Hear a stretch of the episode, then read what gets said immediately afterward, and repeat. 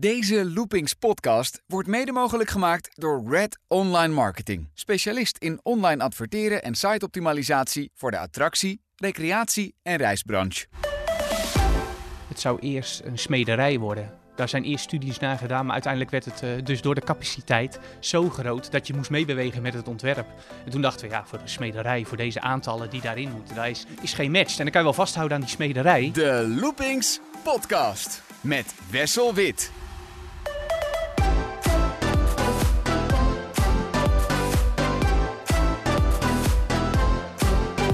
Van harte welkom bij de Loopings podcast vanuit de Efteling met een bijzondere gast, namelijk Efteling-ontwerper Sander de Bruin. Dag Sander. Hoi Wessel. Ontzettend leuk dat je de tijd hebt uh, genomen om, uh, om ons uh, te woord te staan. En het is meteen een podcast anders dan andere, want normaal gesproken dan bedenk ik de vragen. En dit keer zijn het de luisteraars. We hebben een, een tijdje geleden op Loopings gevraagd, wat zou jij nou willen weten van Sander de Bruin, de ontwerper van bekende Efteling-attracties. Uh, we hebben meer dan 300 reacties op gekregen. Nou, die Zo. gaan we nu allemaal behandelen, die vragen. Ik kijk er naar uit. Ja, we kijken hoe ver we komen, uh, zullen we maar zeggen. Uh, maar voor we ermee beginnen, ik heb al geschreven op Loopings. Sander de Bruin is ooit begonnen, nog voordat hij ontwerper werd, had hij een vakantiebaantje in de Efteling bij een restaurant. Absoluut. Kun je iets over die periode vertellen, jouw, jouw Efteling-carrière voordat je ontwerper werd? Ja, dat was in 1998 ben ik in het park begonnen, in het Witte Paard, als bos, bordenwasser. Bordenwasser? Zeker. Want uh, het was ook, ook, mijn droom, denk ik, zoals velen, om uh, bij de Efteling te mogen werken. En ik had er echt veel moeite voor gedaan, want ik woonde uh, destijds in Veenendaal. En gastgezin gezocht, gesolliciteerd. En ja, dan, dan, mag je echt, dan, dat je voor de eerste dag in de Efteling mag werken, dat is gewoon ontzettend bijzonder, hè? Dat, dat, dat dat al gelukt is. En toen zag ik op het rooster dat ik in de spoelkeuken mocht staan. En toen dacht ik ook van alle mooie plekken in de Efteling waar je kan komen te staan mocht ik in de spoelkeuken. Uh, waarbij je weinig ziet Waarbij van ik niks park. zag van, uh, van daar waarvoor ik eigenlijk in het park ging werken. Dus dat was wel een heel bijzonder uh, begin. Maar eigenlijk gewoon heel dankbaar dat, dat het gelukt was. Jij was wel echt Efteling-fan in die tijd dus? Ik ben altijd wel liefhebber geweest van de Efteling. Ja, ja zeker van de illustraties van Anton Pieck. de bijzondere sfeer in het park. de belevingen die er zijn. Ja, het was echt een, een jongensdroom om, om in de Efteling te mogen werken. En is dat dan altijd bij bordenwassen gebleven in, in die periode? Of ben jij ook nog in de keuken geweest? Of, of in de bediening of, of op het terras? Nou, de eerlijkheid is, is dat ik op de eerste dag al uh, wat borden liet vallen. Uh, omdat het was zo'n groot aantal borden wat ik moest, uh, moest wassen. Dat ik gewoon gevraagd heb of ik niet op het terras mocht staan. Dat, dat was, vond ik een leukere plek. En dan zag ik ook iets van de Efteling. Dus nee, ik heb eigenlijk altijd vakantiewerk gedaan in het, in het Witte Paard. Direct ook mijn werk meegenomen en gewoon bij de receptie gevraagd of ik het is. Uh, aan een van de ontwerpers mocht laten zien. Om gewoon Toen te, al? Ja, om te, te, gewoon te vragen van wat vind je van mijn werk? Wil je er eens naar kijken? En, en heb je advies? En wat voor ontwerpers waren dat toen? Was het in de tijd van Tom van der Ven? Zeker, ja, met Ton en Henny en Robert Jaap. Ik was en ben ook heel erg uh, liefhebber van, uh, toen vooral ook van het grafisch werk van Robert Jaap. Ik zat destijds ook op het Grafisch Lyceum, het eerste jaar. En ik dacht, ik ga daar gelijk voor. Ik vond dat, vond dat fantastisch om daar ook om in de buurt te zijn. En die plek waar dat ook ontworpen wordt. En uh, dus ik, ik heb gelijk gevraagd of, uh, of hij naar dat werk wilde kijken. Uh, Robert Jaap dus in dit ja. geval. Ja, en ja Robert Jaap en Henny. Oké, okay, en dit hebben ze ook gedaan? Zeker, ja, dat was heel, heel aardig. Ja, Bert van de receptie, die, die ik kreeg gelijk het nummer.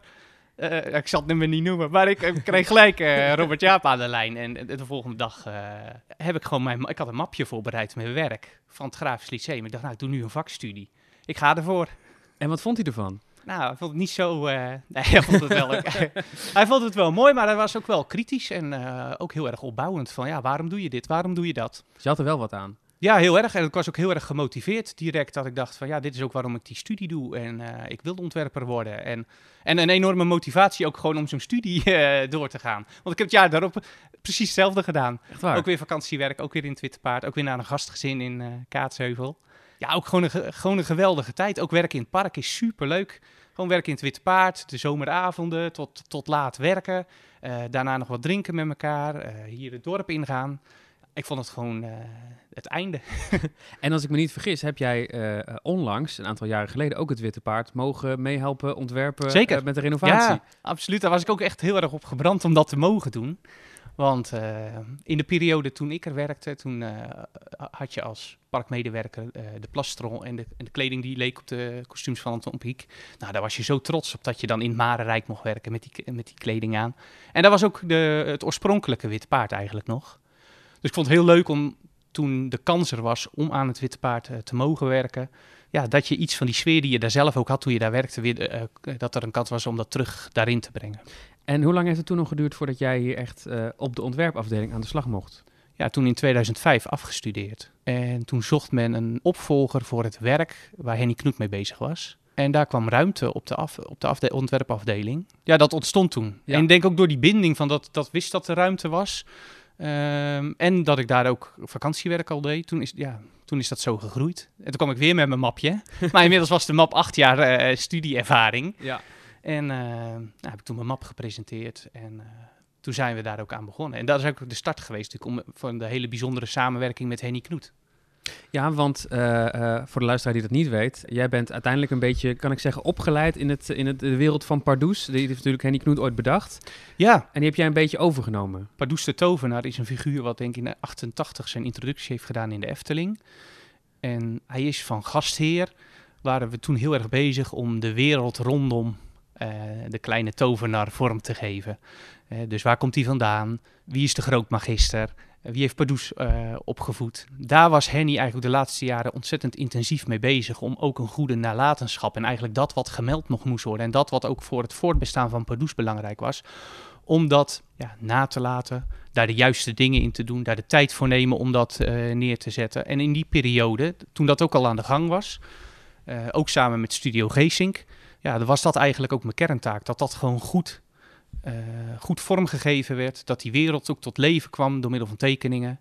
Ja, en dat Henny het ook met een gerust hart kon, eh, kon nalaten. Is toen een prachtig stelboek ook eh, verschenen, Ja. intern, waarbij eigenlijk uiteengezet werd, nou ja, die verhalen van Pardoes, waar komt die vandaan, wie zijn al die personages? En dat is zo langzaam maar zeker gegroeid naar wat we nu kennen als symbolica, denk ik. ontzettend eh, belangrijk boek voor, voor En voor Henny en eigenlijk voor ons allemaal. Omdat dat boek eh, letterlijk een, eh, een voor- en achterkant had waar het dan in moest staan. En dat, juist die vorm was heel fijn, dat we daar ook de gelegenheid van de Efteling eh, voor kregen om dat boek goed te maken. Hè, dus met heel veel ontwerpwerk over de locaties, over de personages, goed ingekleurd. Weet je, dat boek had kwaliteit en heeft altijd gehouden. En ik denk dat een van de, een van de zekerheden was en is binnen het hele concept rondom Symbolica en Pardoes. Ik denk dat heel veel fans zijn die nu luisteren, die heel graag dat boek in hun handen zouden willen hebben. Misschien dat het nog een keer wordt uitgegeven, dat zou mooi zijn. Ehm, een van de vragen die ik meermaals voorbij heb zien komen, eh, als we dan toch even over eh, Pardoes en Symbolica hebben, is: eh, is het verhaal van Pardoes nu af? Of, of zou er nog een attractie in de Efteling kunnen komen gebaseerd op die verhaallijnen? Nou, wat je, het Paleis de Fantasie, wat je hier kan bezoeken, is natuurlijk het paleis waar eh, de koning woont en waar Pardoes ons gelegenheid geeft om via de geheime gang de kamers van de fantasie te bezoeken. Ja, in basis is dat natuurlijk een heel mooi avontuur in het paleis. Maar zoals we allemaal weten zijn er ook andere figuren die nog niet gebruikt zijn of, of niet in, de, in een fysieke vorm dan hè, in het park. Ja, wij vinden de vorm waarin hij hier nu is heel erg mooi en ook heel erg passend eh, bij zijn rol als toverende nar aan het hof van de koning. Maar de gelegenheid om dingen uit te breiden of toe te voegen, ja, blijft altijd bestaan. Dus wie weet, eh, Ja. we houden het in de gaten. Ja, Ehm, eh, dan ga ik gewoon eh, wat leuke vragen oplepelen die uit onze mailbox zijn gekomen. Marvin Wolthof die vraagt, is er een attractie uit een ander pretpark die je graag in de Efteling had willen zien? Ja, goede vraag. Nou, ik heb wel echt heel veel lievelingsattracties. Waarbij ik niet zeker, hè, dus in de verschijningsvorm waarin ze dan staan, zo zouden ze niet in de Efteling kunnen staan. Maar echt een lievelingsattractie van mij is bijvoorbeeld de Tower of Terror. Fantastische eh, verhaallijn. En dan maakt het nog uit welke vorm, want die staat in, eh, in, in meerdere Disneyparken. Ja, nou ik moet zeggen, ik vind de basis, de, de oorspronkelijk, hè, de eerste in, eh, in Hollywood Studios, die vind ik ook wel fantastisch. Met die extra scène, hè, dat je er doorheen rijdt. Ja. Maar ik vind het gewoon het gegeven, de sfeerzetting, het gevoel dat het daar spookt, wat het doet met zijn omgeving, het geluid. Gewoon de suspense die daar wordt opgebouwd en de, en de thrill die het heeft. Ja, ik vind dat een sublieme, sublieme attractie. Die zou misschien niet letterlijk in de Efteling passen, maar dat is gewoon een favoriet van jou. eh. Absoluut. Dan is er een vraag van eh Levi Numan. We gaan op de hak, eh, van de hak op de tak vandaag. Die zegt, wat zijn nou de belangrijkste dingen waar je bij het ontwerpen van een attractie op moet letten? Ja, het belangrijkste component voor een attractie, echt als je het over een attractie heeft, hebt, dan is het toch welke tijd krijg je om een bepaald show-element te brengen. Hè, en dan heb je natuurlijk ontzettend veel zaken die daar een gegeven in zijn. Bijvoorbeeld het budget voor de attractie, maar ook de capaciteit. En daarmee de ritduur die je kan maken. Hoeveel show kan je brengen? allemaal componenten waarvan als die puzzel niet helemaal goed gelegd wordt, of daar is een, uh, een hiccup in, dan kom je in duivelskeuken met je beleving. En dan wordt, het, uh, ja, dan wordt het allemaal heel spannend. Ik denk dat we dat allemaal voelen bij belevingen die, uh, waarin door budgetredenen of door uh, capaciteit dat het wringt. Dat je daar de gast ja, niet, niet de optimale beleving brengt. Ja, in basis is natuurlijk de, de hele driehoek tijd, geld, kwaliteit. Ja, die moet in balans zijn met elkaar. En het kan niet zo zijn dat bijvoorbeeld de tijd die je krijgt plus het budget wordt de kwaliteit. Hè. Kwaliteit is een zelfstandig gegeven, maar moet zich verhouden tot het budget en de tijd van de, die je ervoor krijgt. En hoe beter je die drie belangen met elkaar kan behartigen, hoe beter de, de beleving wordt. Dit is een interessante vraag en die heb ik ook meerdere keren voorbij zien komen. Hij komt hier voorbij in een mailtje van uh, Max Post. En hij vraagt, uh, hoe zou je uh, Eftelingstijl precies omschrijven? Er zijn meer mensen die gevraagd hebben naar, wat is nou precies Eftelingse stijl? En hij zegt er ook meteen bij als een aanvullende vraag, moet alles binnen de Efteling nou in die stijl zijn? Of is er binnen de Efteling ook ruimte voor andere stijlen? Goeie vraag ook. En ook iets wat natuurlijk ontzettend leeft bij een park, wat zo duidelijke oorsprong heeft vanuit het werk van Anton Pieck. Maar waar ook al heel vaak uh, ook uitstapjes in zijn gemaakt. En wij hebben eigenlijk uh, de Efteling-stijl precies niet omschreven, maar wel het creatief gedachtegoed van de Efteling omschreven. En daar moet het zich eigenlijk altijd wel toe verhouden. En uh, dat is dat we proberen alles voor de eeuwigheid te bouwen. En daarmee laten we ook lijken alsof het er eeuwig staat. Ook de manier van verhalen vertellen, hè, dus impliciet of expliciet storytelling. Graag werken we zo dat we een fragment van een verhaal uitlichten in plaats van helemaal een ABC-verhaal te vertellen. Details zijn voor ons belangrijk. Het kleine momentje, het macrobeeld is heel belangrijk. Welk silhouet geef je de Efteling, maar ook dat er ruimte is voor die verfijning. Het streven naar perfectie daarin, eigenlijk op alle disciplines, dat het perfect moet zijn. Ook toch, en dat uh, is wel ook met Anton Pieck verbonden, het gebruik van organische vormen, een lijnenspel. Ja, gebruik ook meermaals, is voor ons belangrijk. Uh, de bekende sprookjes en verhalen. Uh, soms maken we zelf sprookjes, maar ook een rode draad erin is van bekendheid van verhalen. En sprookjes is helemaal ons, uh, ons fundament. En laat techniek het verhaal faciliteren. zonder techniek zijn wij ook helemaal niks. En dat is natuurlijk de oorsprong van de Efteling. Anton Pieck en Peter Reinders. Ja, we zijn gewoon heel trots dat we een afdeling ontwerp hebben, dat we een afdeling engineering hebben, die nog steeds hè, de, nalatenschap van die twee eigenlijk zo groot uh, mogen voortzetten. Uh, wij zijn onlosmakelijk met elkaar verbonden. Dus in plaats van, weet je, is dat motief nou Efteling? Is dat nou? Hebben we wel het creatief gedachtegoed heel goed benoemd. En dat zijn eigenlijk onze piketpalen, waar elke ontwerper dan individueel um, daar ook weer vorm aan heeft. Maar het is ook heel bijzonder, weet je, daar zijn we ook. Um, dat leeft ook gewoon bij ons enorm, weet je, dat we dat heel goed willen doen en dat we heel goed invulling willen geven aan dat creatief gedachtegoed. Omdat verleden, heden en toekomst van de Efteling, dat is ons bestaansrecht, daarmee zijn wij verbonden. En bij het, bij het ontwerpen van een nieuwe attractie of, of bij uh, kleine aanpassingen, dan uh, houdt een Efteling-ontwerper altijd deze punten in zijn achterhoofd. Absoluut.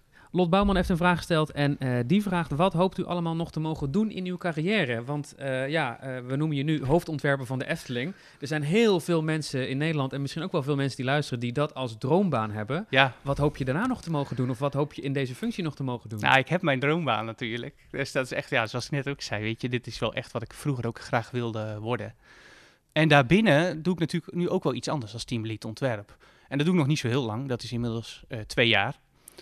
Uh, dus ik ben ontzettend dankbaar eigenlijk voor alles wat ik uh, vanaf dat borden was uh, voor, in het Witte Paard tot aan nu heb mogen doen. En ja, de visie die de Efteling heeft, hè, die nu op basis van kwaliteit is, dat strookt gewoon ook heel erg met het ontwerpgedachtegoed.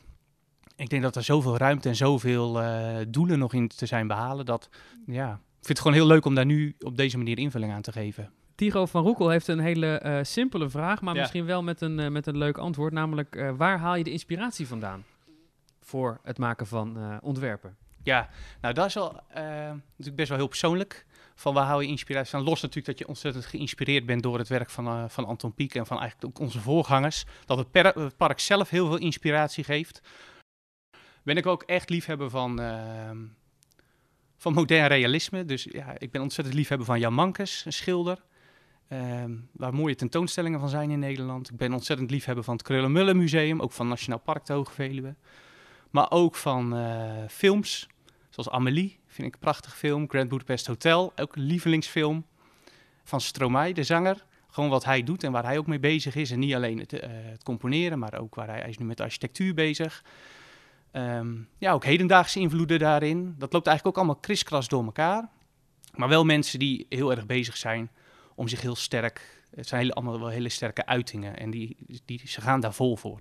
Waar ik mijn inspiratie vandaan haal, ja, dat kan ook gewoon een, een bepaalde energie zijn. Als je ook optredens ziet van Stromae en hoe hij er gewoon zo'n performance neerzet. En eigenlijk ook hoe een totaalbeleving dat is. Dan uh, gewoon persoonlijk vind ik dat ontzettend mooi. Maar uh, ja, een contrast daarin zijn bijvoorbeeld schilderijen van Jan Mankes. Ik weet niet of je het kent, misschien niet. Ik denk dat ik het moet googlen. Ja, nou google het eens. Maar kijk eens naar zijn kleurgebruik en gewoon naar de verstilling die hij, uh, die hij in zijn schilderijen heeft. Dat is, het lijkt zo eenvoudig, maar het is in het werk wat hij maakt zo alleszeggend. En in die eenvoud van zijn werk, uh, ja, dat treft toch ook de Efteling. Ja, eenvoud is ook een van die, van die punten die eigenlijk al vanaf de jaren 50 verbonden is aan de Efteling, denk ik. Absoluut. Kate of Kate Kuipers uh, is tien jaar en heeft een uh, interessante vraag. Wat is het verschil tussen het ontwerpen van een achtbaan en een sprookje in het Sprookjesbos? Dat is ook een vraag die volgens mij vaak aan jou gesteld wordt, omdat je natuurlijk de Baron hebt ontworpen, maar ook de Zes Zwanen. Ja. Werelden van verschil, maar wel in hetzelfde attractie. Ja, dan zou ik hem nog wel breder uh, willen trekken zelf. Van, daar zou je ook een, uh, een pinontwerp bij kunnen zien of een, uh, een sticker. Iets heel kleins? Ja, en eigenlijk is dat, dat is zo mooi van dit park, dat als je het kleine niet goed beheerst, laat staan dan het grote. En alles daarin, als je zegt je bent een wereld vol wonderen, waar het anders is dan de dagelijkse realiteit, dan kan het ook alleen maar kloppen als het van klein tot heel groot um, op een bepaalde manier zich tot elkaar verhoudt. Hè, en een mooi, gewoon een mooi voorbeeld vind ik uh, bijvoorbeeld de Ducaat van, um, van de ezel. Ja, dat is toch een fantastisch. Het is merchandise, maar het is toch zoveel meer dan dat. Want het is een tastbaar iets uit een sprookje. En gewoon dat belang van merchandise of van een attribuut meenemen. En alles wat er maar in gebeurt, dat is eigenlijk gewoon de eeuwige fascinatie. Ja, ik kan me nog herinneren dat ik als klein kind dol was op zo'n munt. Want dat ja. was voor mij de herinnering aan een dagje Efteling. Ja, en dat je dat meeneemt naar huis. En dan, dat dat ook een origineel is eigenlijk. Het is een originele munt van de ezel. Dat gaat toch veel verder dan dat dat een munt is die geproduceerd is. Of daar gaat het niet over. Het gaat over dat het echt een onderdeel is van een sprookje wat je meeneemt. Ja, daarmee bezig zijn. Dus dat in de verfijning of juist in, in het heel groot. Het, het gaat ook meer over gedrag en attitude eigenlijk. En die moet eigenlijk ja, op al die onderdelen. Uh, ja, daar werkt dan eigenlijk eender. Hè. Bij, bijvoorbeeld bij Ravelijn gaat het eerst over. Ja, je gaat een stad ontwerpen. Hè. Dan wordt het concept stad. Wat gebeurt er in de stad? Wat voor panden? Uh, waar wonen de rijke mensen? Waar wonen arme mensen? Welke beroepen oefenen ze uit? Maar hoe zit dan met de stadspoort en de stadsmuur? Tot aan waarom zit daar dat krapwerk? En waarom heeft het die kleur? En waarom heeft dat pand die gevelsteen? Dan kom je eigenlijk ook dat macro- en dat micro-niveau van ontwerpen tegen. Sander uh, van Weert, naamsgenoot, die uh, vraagt iets waar we het al een beetje over gehad hebben. Maar is het uh, belang van de hand van Anton Pieck, het lenen van de hand van Anton Pieck, noemde volgens mij Ton van der Ven mm -hmm. altijd. Is dat nog belangrijk tijdens het maken van een attractie? Absoluut. Absoluut. Ik denk dat het, ehm, het van tijd tot tijd herbronnen met gewoon Anton Pieck en zijn werk. En daar waar hij voor staat, dat het van levensbelang is voor de Efteling. Ontzettend inspirerend. De hele, de hele oorsprong van ons park. Uh, Sprookjesbos is ook toch ook de, de, de kern waaruit de Efteling is ontstaan. Dus daarom daar tijd en aandacht voor te hebben is, uh, is essentieel. En uh, bij de Zes Zwanen hebben denk ik allemaal wel een beetje de invloed van Anton Pieck kunnen voelen. Mm -hmm. maar bijvoorbeeld bij, bij een attractie als de Baron, ben je dan ook daarmee bezig? Ja, kijk, het gaat ook niet over letterlijk um, een stukje Anton Pieck namaken. Hè. Het gaat over het gebruik van kleur, het gaat over gebruik van, in dit geval bij de Baron, hebben het heel erg over het metselwerk. Hè, daar heb je verschillende gebouwen met uh, verschillend schoon metselwerk. Waarom gebruik je dat metselwerk? Ja, interessant is ook wat Piek met het station heeft gedaan. Hè. Bijvoorbeeld het station in Marenrijk. Of, of de herontwerp van, van zijn treinen, hè, wat hij met de trein met die panelen, dat zit natuurlijk in diezelfde tijdsperiode, waarin ook dekkend kleurgebruik, ook weinig inschaduwwerk. Maar je, ook in het park vind je dan ook aanwijzingen van, ja, wat uit die tijdsperiode van de Baron vind je hier dan nog meer? En laat je inspireren door keuzes die al een keer zijn gemaakt. En ja, hoe zou je daar dan, hè, hoe zou je dat kunnen gebruiken als je zelf daarin een nieuwe beleving ontwerpt? Dat is dus een andere manier van denken als dat je werk van Anton Pieck gaat zoeken en dan zeg je, ja, ik pak dat stukje. Of het gaat helemaal niet over de letterlijke zin, het gaat over meer over het gedrag, zijn ontwerpgedrag. Uh, ik vind dat uh, Ralf een, uh, een, komische vraag heeft. Die stelt namelijk de ultieme vraag, vindt hij zelf. Meneer De Bruin, beheerst u het perspectief? Ja. nou ja, dan Tom van der Ven, die zei volmondig ja. Maar die had daar ook wel iets in te overwinnen, zei hij zelf. En dat geldt volgens mij voor mij ook. dat. Ik zou ook maar ja zeggen. Maar we weten allemaal hoe moeilijk het is als je verdwijnpunten van het perspectief eh, ongeveer een meter uit je tekenvel liggen. Dat, eh, dat blijft een heel, hele uitdaging. Ja, ja, ja. ja, voor de mensen die het niet weten, uh, Tom van der Ven had een sollicitatiegesprek bij Anton Pieck. En meneer Pieck stelde de vraag, beheerst u het perspectief? Hij zei volmondig ja. Dat was een beetje twijfelachtig, maar hij heeft wel de baan gekregen. En hij heeft daarna prachtige dingen mogen doen ja. voor de Efteling. Dan hebben we een, een mailtje van ene meneer Gutters. En die vraagt, ik zie dat je teamlead ontwerp bent bij de Efteling. Uh, wat houdt dat nou precies in? Want je bent dan teamleider. Ja. Betekent dat dat jij uh, dingen mag bepalen voor je collega's? Eigenlijk uh, bepalen niet zozeer. ik ben eindverantwoordelijk voor de belevings- en artistieke kaders. Maar de inhoudelijke verantwoording van bijvoorbeeld het landschapsontwerp of het bouwkundig ontwerp of het grafisch ontwerp, die liggen bij de ontwerpspecialisten zelf. En pas als de belevings- en artistieke kaders daarmee in het geding komen, dan ondersteun ik dat of help ik dat of breng ik dat op een ander niveau verder.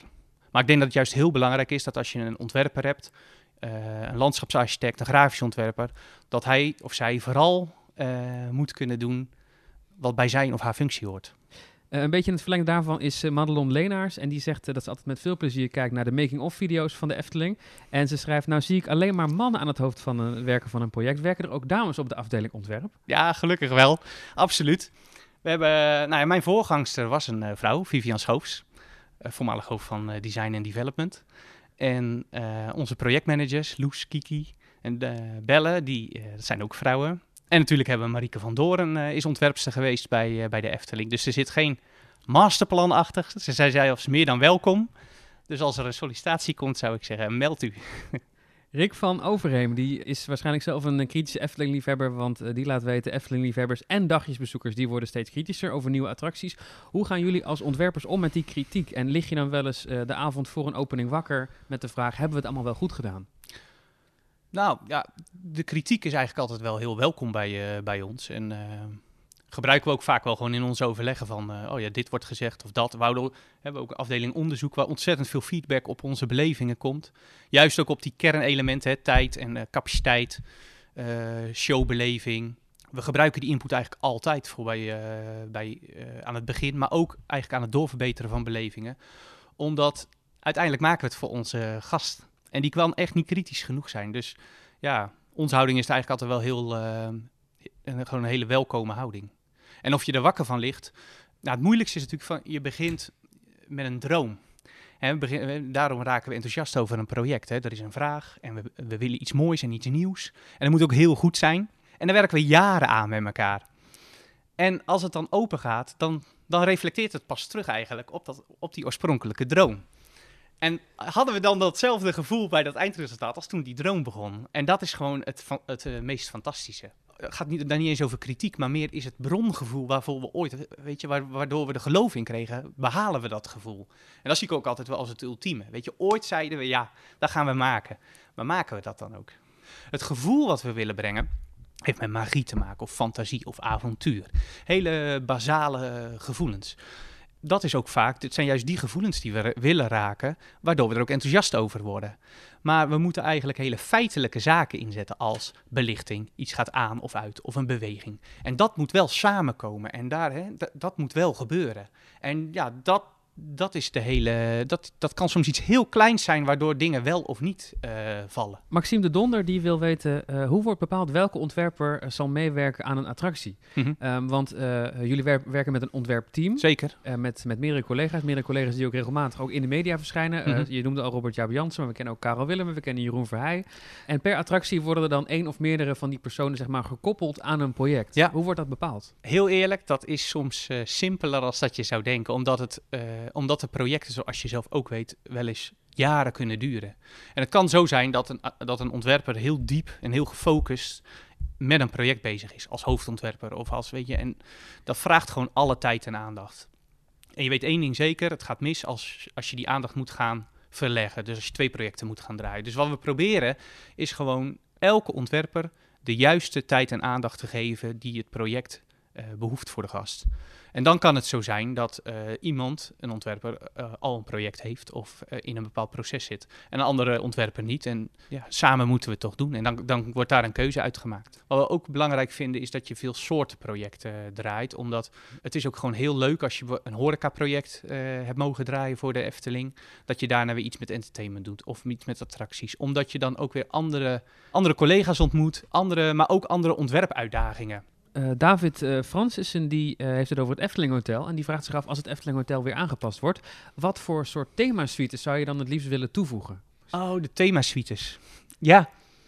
Ehm, Hij geeft zelf meteen een voorzet. Hij zegt, Nou, zegt hij? hij zegt, ik zou liefst een vogelrok of een droomvluchtsuite willen zien. heel leuk. Vogelrok, droomvlucht. Ja, interessant. Ja, ik heb wel een persoonlijke voorkeur, maar dat is gewoon meer omdat ik vind, ik ben heel erg fan van Villa Volta. En het lijkt mij gewoon heel leuk om een Villa Volta suite te hebben. Het lijkt me ook heel onrustig slapen. Ik zou er ondersteboven van raken.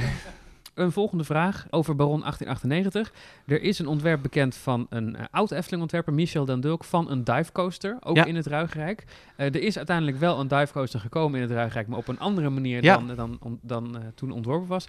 Eh, hoe heeft die tekening en het ontwerp van Michel Den Dulk zich verhouden tot het ontwerpproces van de Baron? Is daar nog naar gekeken of is dat volledig los van elkaar? Nou, eigenlijk is daar, eh, heeft dat niet als, als een eh, startpunt gediend en ook niet als, eh, als zijnde waar we op door zijn gaan borduren. Sterker nog, ik dacht eerst dat het een, eh, in mijn beleving was het een freefall tower. En toen pas later zag ik dat het een, eh, een, eh, ook een dive coaster was. Ik wist wel van het bestaan af. Dus misschien heeft het me onbewust wel geïnspireerd.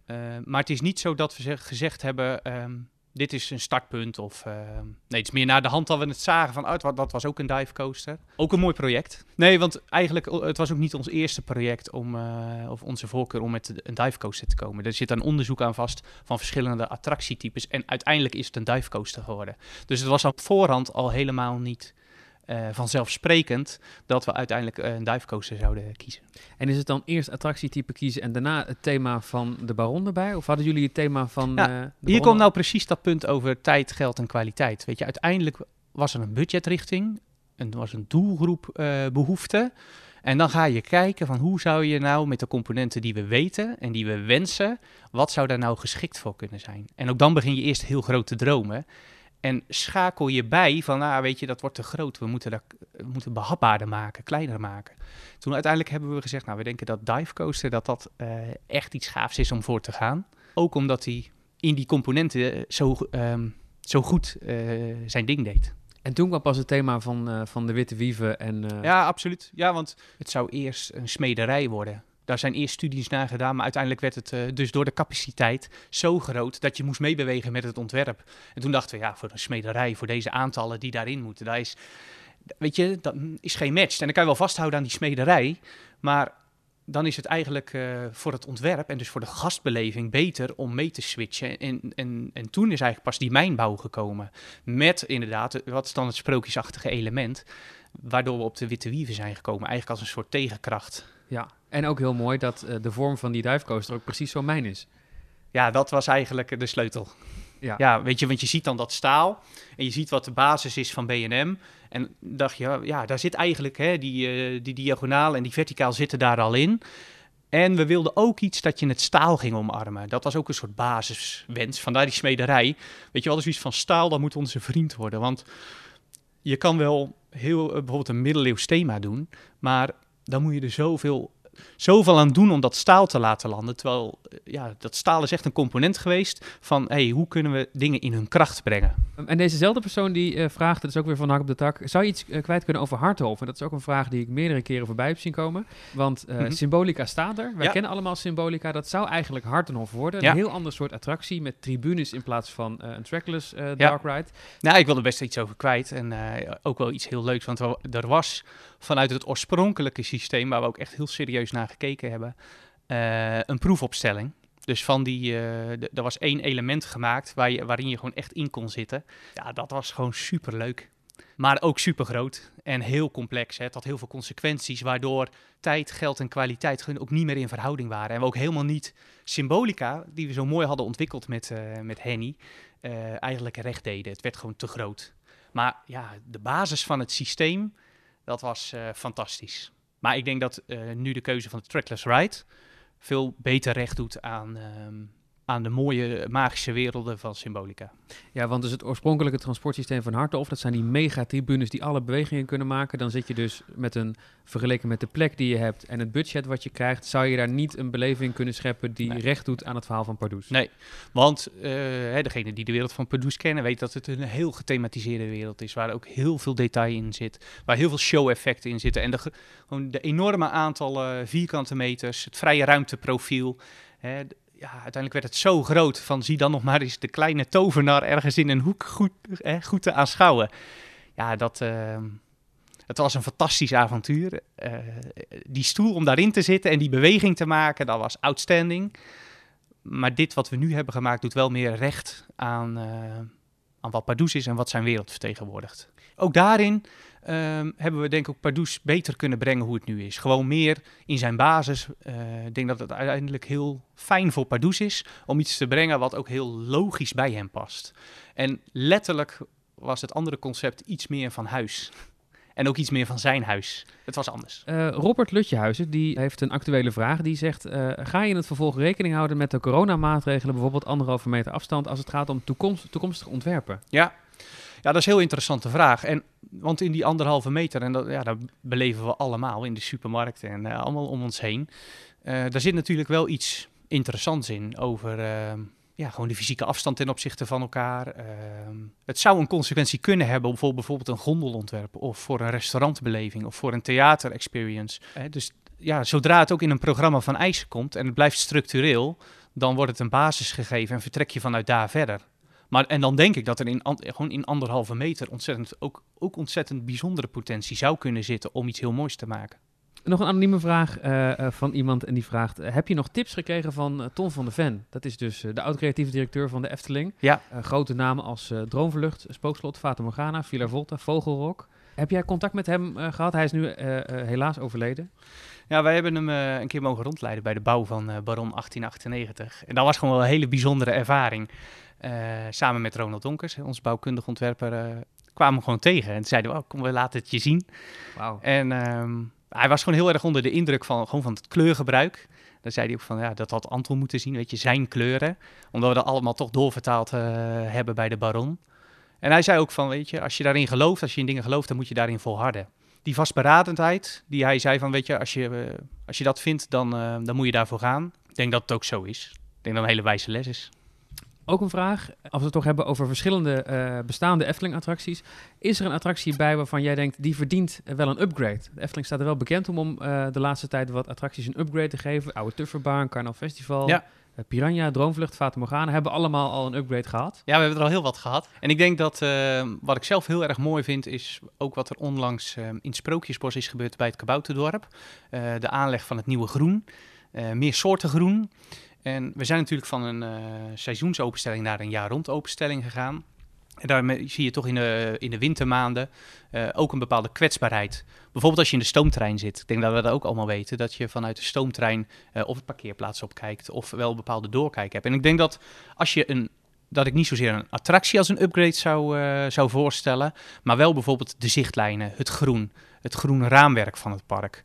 En ik denk dat wat we gedaan hebben met groen bij Roodkapje, een aantal jaar geleden, en nu bij het Kabouterdorp, dat ook in de groenbeleving en groen als attractie, dat daar ontzettend veel eh, perspectief in zit. Ja. En ook ontzettend belangrijk voor de Efteling, want we zijn nou eenmaal van Stichting Natuurpark de Efteling. Dus eh, aandacht voor het groen, ook als beleving en attractie, ontzettend belangrijk. Dan is er eh, Kevin Kramer en die eh, vraagt hoe kijkt de Efteling, in dit geval dus eh, Sander de Bruin, naar de opkomende concurrentie van Toverland en het niveau van de gebieden die ze daar de laatste tijd hebben neergezet. Is de Efteling daar nog met een scheef oog naar aan het kijken van hey, er komt nog een themabeleving hier in de buurt? Helemaal niet met een scheef oog, gewoon met een open oog. Ik denk dat dat ontzettend positief is. Hè. Dat geldt eigenlijk voor de hele industrie. Dat ehm, ook al bestaat de Efteling 68 jaar, het is ook nog een hele jonge industrie. En ik denk wel dat Dat zie je ook bij, uh, bij de Disneyparken en, en eigenlijk over de hele, in de hele breedte van de industrie. Dat het gewoon ontzettend fijn is dat er parken zijn die uh, met het niveau omhoog gaan. En daardoor ons als Efteling ook dwingen uh, om het beter te doen. Dus ja, dat is ontzettend welkom en goed voor, voor het totaal dat Toverland in dit geval ook met zulke mooie gebieden komt. Sylvester Hemels die wil graag weten: heb je bij het ontwerpen van attracties wel eens kleine Easter eggs, dus, dus leuke, grappige verwijzingen, referenties naar andere attracties of, of andere parken geplaatst uh, bij het, in het ontwerpproces? Ja, leg legio denk ik. Ik denk dat uh, eigenlijk in elke attractie wel weer een hint zit naar een andere attractie. Maar dat maar komt ook omdat de Efteling als zichzelf natuurlijk ook een soort beschermde wereld is, die ook weer van, van invloed is op elkaar. Ik vind zelf gewoon ook als, gewoon als inspiratie vind ik van de Marvel films. Los wat je daar persoonlijk van vindt, maar dat dat uit één universum komt ook heel interessant. En eigenlijk is dat met de attracties ook wel min of meer zo. Dat uh, stijlkenmerken uit de ene attractie soms voor een deel uh, voor inspiratie of ook gebruikt worden bij andere attracties. Uh, hè, dat bordje van beurzen en tassen is daar een voorbeeld van. Maar er zitten ook verwijzingen van Ravelijn in de Baron. Um, ja, welke is dat? In het conciergekantoor zit een uh, emaille bord waarin uh, ook een, uh, een raaf te zien is. Zo zijn er verschillende attracties die op die manier subtiel een beetje met elkaar samenhangen. Ja, blijft het toch ook een beetje in het universum. En, en ook de, bijvoorbeeld een leuk voorbeeld is ehm, De Morgen Stond, is de titel van een krant in de Baron 1898, maar is staat ook op de gevelsteen van, van Ravelijn natuurlijk van de ochtendstond heeft goud in de mond. Maar zo uh, link je op hele subtiele manieren of kleine verwijzingen, hou je ook het universum van de Efteling uh, één. En heeft het één ook in een soort tijdsperiode met het ander te maken. Ja, en de symbolica natuurlijk ook. Symbolica verwijst ook naar andere attracties, hè, naar de oorspronkelijke bloemen van de Chinese nachtegaal. En ja, het is toch een soort ook estafette van die je met elkaar loopt. Ook in generaties eigenlijk. Hè? Van Ante Piek geeft door aan Ton, Ton aan Henny, Henny Robert Jaap, Karel. He, zo, eh, generatie op generatie zijn daarmee met elkaar verbonden. En het is heel mooi om dat ook door middel van de attracties die verbondenheid te laten zien. Christian Loots die zegt, omdat Sander de Bruin al sinds 2005 op de ontwerpafdeling werkt, vraag ik me af wat hij sinds die tijd heeft geleerd. Uh, wat doet hij nu uh, als hij een ontwerp maakt anders ten opzichte van vroeger? Ja, heel veel denk ik. Ja, ik denk dat in het begin is het zo overweldigend als je hier uh, binnenkomt. En ja, toen ik hier binnen zat was... En Ton was er nog. En Marike en Sergei en Michel. En nou ja, goed. Hele generatie ontwerpers. En de producten of de belevingen, de attracties... Wat zij neerzetten is natuurlijk uh, iets waar je dan als kind al van droomt. En als je dan dat pad ingaat dat je professional wil worden, dan uh, ja, dat is ook gewoon ontzettend intimiderend. Maar je durft er bijna geen streep op papier te zetten. Nee, heeft wel eigenlijk moeten groeien, weet je wel. Van, uh, en ik vind het nog steeds altijd heel magisch. Gewoon dat je iets mag toevoegen aan de wereld van de Efteling. Eigenlijk datzelfde gevoel wat, je, wat ik toen had, dat heb ik eigenlijk nu nog steeds. Het is gewoon ontzettend, ontzettend bijzonder en je moet er heel dankbaar voor zijn om, wat het ook is, uh, te mogen bijdragen aan, uh, aan de Efteling. En ik denk waarin, waarin ik zelf wel veranderd ben, is uh, in de, ja, wel die volhardendheid, hè, waar we net over dat je daarin moet geloven. En dat je gewoon het ontwerpproces en dat wat erbij hoort, uh, gewoon beter uitvoeren. Gewoon elke keer beter doen. Je krijgt met zoveel belanghebbenden te maken en zoveel specialisme. En daar sta je eigenlijk enorm ook onder invloed van. En durf dan maar in, je, in jezelf te geloven. Of durf maar in de beleving te beloven. Durf maar gewoon echt oprecht in het sprookje te geloven. Als er iemand zegt uh, dat is te duur, of dat zou niet kunnen, of dit is niet haalbaar. Weet je, en dan moet je doorheen met elkaar.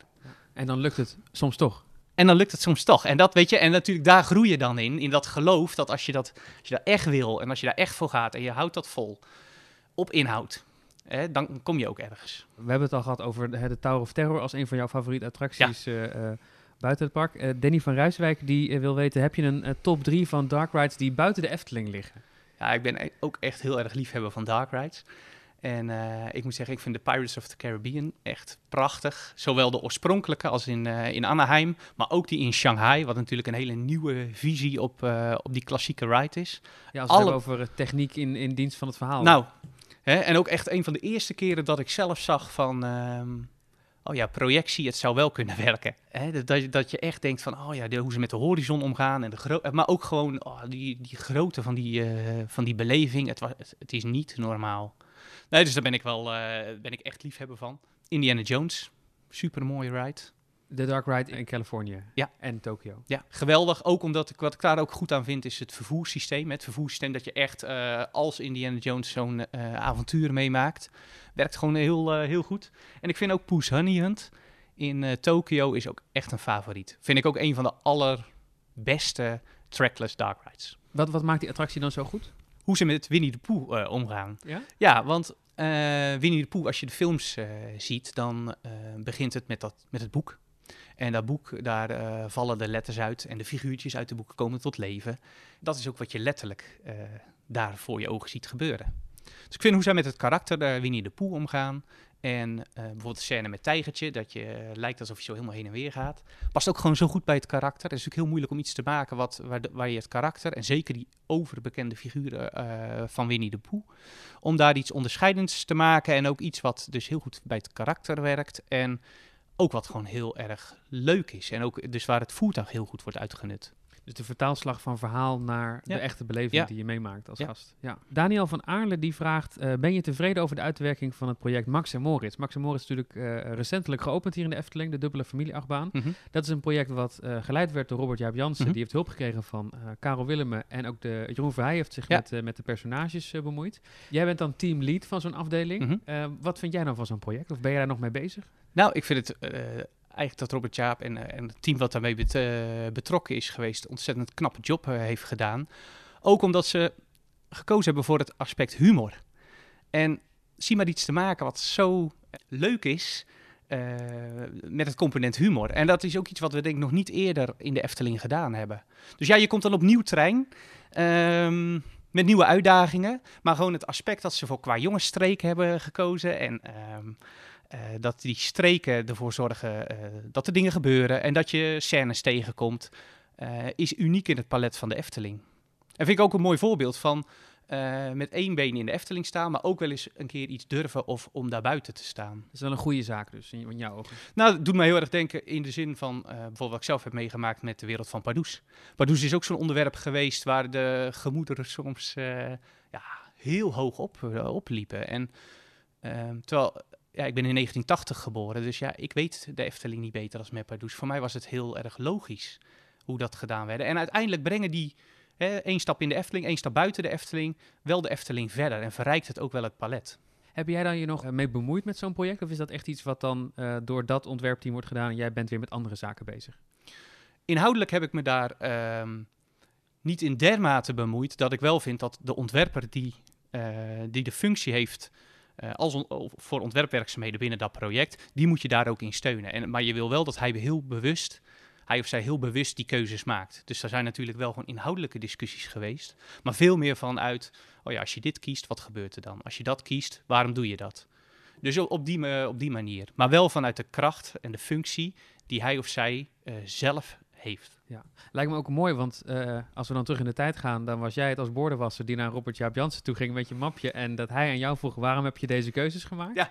En misschien is het nu soms wel andersom. Nou, de, nou, ja, weet je, dat is het mooie natuurlijk van een dialoog en een gesprek. En ik vind dat ook wel echt typisch bij de ontwerper horen. Dat je open staat voor een dialoog, dat je reflecteert op elkaars werk. Eigenlijk maakt het dan helemaal niet uit of je de bordenwasser bent die binnenkomt, of uh, een kritische fan, of een collega. Weet je, de discussie aan zich is zo goed om met elkaar te voeren. Van waarom kies je iets voor? En waarom ga je nou naar links? En waarom ga je nou naar rechts?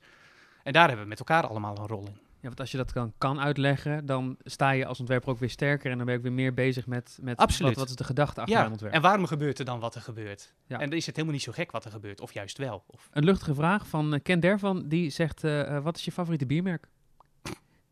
Ja, Laafse Lurk natuurlijk. Is dat nog te koop eigenlijk? Nee, daar heb ik een groot probleem. uh, nee, dus uh, ik hou erg van bokbier. Oké. Okay. Vooral seizoensgebonden. Er was nog een vraag van uh, Madelon van der Ree. Die heeft een hele lijst opgestuurd. En een van de vragen is, kunt u nog normaal over straat? Of bent u inmiddels een bekende Nederlander geworden? Nou, gelukkig kan ik nog wel gewoon over straat hoor. Ik moet zeggen, binnen de poort, als je in het park bent, is het, zijn mensen, herkennen je wel vaker. Maar nee, het gaat eigenlijk ook gewoon over het werk wat we maken. Hè. Het werk moet heel bekend zijn. Het werk moet heel geliefd zijn. Hè, dat moet de Efteling uh, nog geliefder en mooier maken. En voor onszelf is het eigenlijk uh, juist goed als we niet zo herkend worden. Ja, overal waar je komt zullen mensen de baron kennen of misschien Ravelijn Het werk is vele malen bekender en ja. uh, zo hoort het ook. Dat is ook precies de goede weg. Wij zijn in dienst van de Efteling en we doen het voor de Efteling. En dat is ook precies de goede verhouding. Vind je het erg om op de foto te gaan met fans als je tegenkomen? Nee hoor, altijd welkom. Moet nu wel op anderhalve meter afstand, maar ja. verder uh, mag dat nee, wel. berichtjes en uh, we proberen eigenlijk wel echt open te staan voor, uh, voor een dialoog of gewoon eens een vraag. ook al zijn ze soms heel veel. Weet je, we houden allemaal van diezelfde Efteling. Um, en ik denk dat we bij ontwerp, dat we allemaal heel veel collega's een achtergrond hebben dat wij ook als kind voor de Efteling wilde werken. Hè. Dat is natuurlijk echt de, eh, de generatie van nu, die daar ook mee opgegroeid is en die, die daarvoor gekozen heeft. Dus wij weten denk ik als geen ander hoe bijzonder en hoe leuk en hoe dankbaar het is als je zo eh, betrokken bent bij de Efteling. Ik hoop dat de woordenwassers van het Witte Paard luisteren die als droom hebben om ooit nog eens eh, eh, Efteling-ontwerper te worden. En die nu denken, het kan dus. Het is dus echt Het mogelijk. is mogelijk en ze zijn ook meer dan welkom. Ik had zelf nog een vraag. Ja. In de Efteling eh, zijn een heleboel bekende stemmen te horen. Ik hoor de stem van, van Tom van der Ven, ik hoor de stem van Peter Reinders. Nu hoor ik ook Karel Willem, Robert Jaap Jansen, Jeroen Verheij als allerlei sprookjesfiguren wel eens voorbij komen, jouw collega's. Ja, Waarom is Sander de Bruin nog niet te horen in de Efteling? nou, dat is niet zo. Die is wel te horen. Ja, en dan zou ik eh, de uitdaging dan aan jou om eh, daar een keer op terug te komen. Maar hij is aanwezig. Je hebt ergens je stem verleend aan een figuur in het park. Op een plaats in het park. Hmm. Nou, als luisteraars een idee hebben, dan mogen ze dat eh, insturen via De quizvraag. podcast.loopings.nl. en dan misschien wel de belangrijkste vraag van allemaal. Eh, Laurens eh, Terlaak, die vraagt eh, Sander de Bruin... wat kunnen we de komende tien jaar nog voor nieuwe attracties verwachten in de Efteling? Nou, dit vind ik echt de leukste vraag waar ik eigenlijk op zat te wachten. Want ook nu heb ik een mapje meegenomen. Maar dan, ja, het mapje van de toekomst. Ah. Ik zal het even openen. En dan, kijk, dit is wat we eigenlijk eh, in 2030 willen maken. Oh, Mooi hè? ongelooflijk. Ja. En dan ook, ja, en dan in die schaal. Jeetje, Ja, dat is ook ongelooflijk. dat moet wat kosten zeg. Ja, ja, maar dat is de toekomst. Ja. Ik heb hier, eh, hier eigenlijk ik heb nog meer ontwerpen. Oh Ik wil jou deze even laten zien. Oh, Dus moet je kijken. ongelooflijk. En ga je daar omhoog en dan daarna weer naar beneden? Wauw, Ja, en dit is dan nog maar een derde van het totaalontwerp. jeetje. Dus ja, dat is ook wa- waarom we zo enthousiast zijn over de toekomstplannen van de Efteling. Wat een Dat, verhaal eh, er ook weer bij. Ja, het, is, het kent hier geen grenzen. Hoe bedenk je dit nou? Sprookjes eh, bestaan. Nou, hopelijk zien we daar binnenkort eh, meer van. Sander, ik wil je ontzettend bedanken voor je tijd. Heel erg leuk dat je hier even voor wilde vrijmaken. Heel graag gedaan. En we houden jouw werk scherp in de gaten de komende tijd. Dankjewel. Je luisterde naar een aflevering van de Loopings podcast. Heb je vragen of opmerkingen? Mail dan naar podcast@loopings.nl. En wil je geen afleveringen missen? Abonneer je dan via de verschillende podcast-apps zoals Spotify. Bedankt voor het luisteren en graag tot de volgende keer.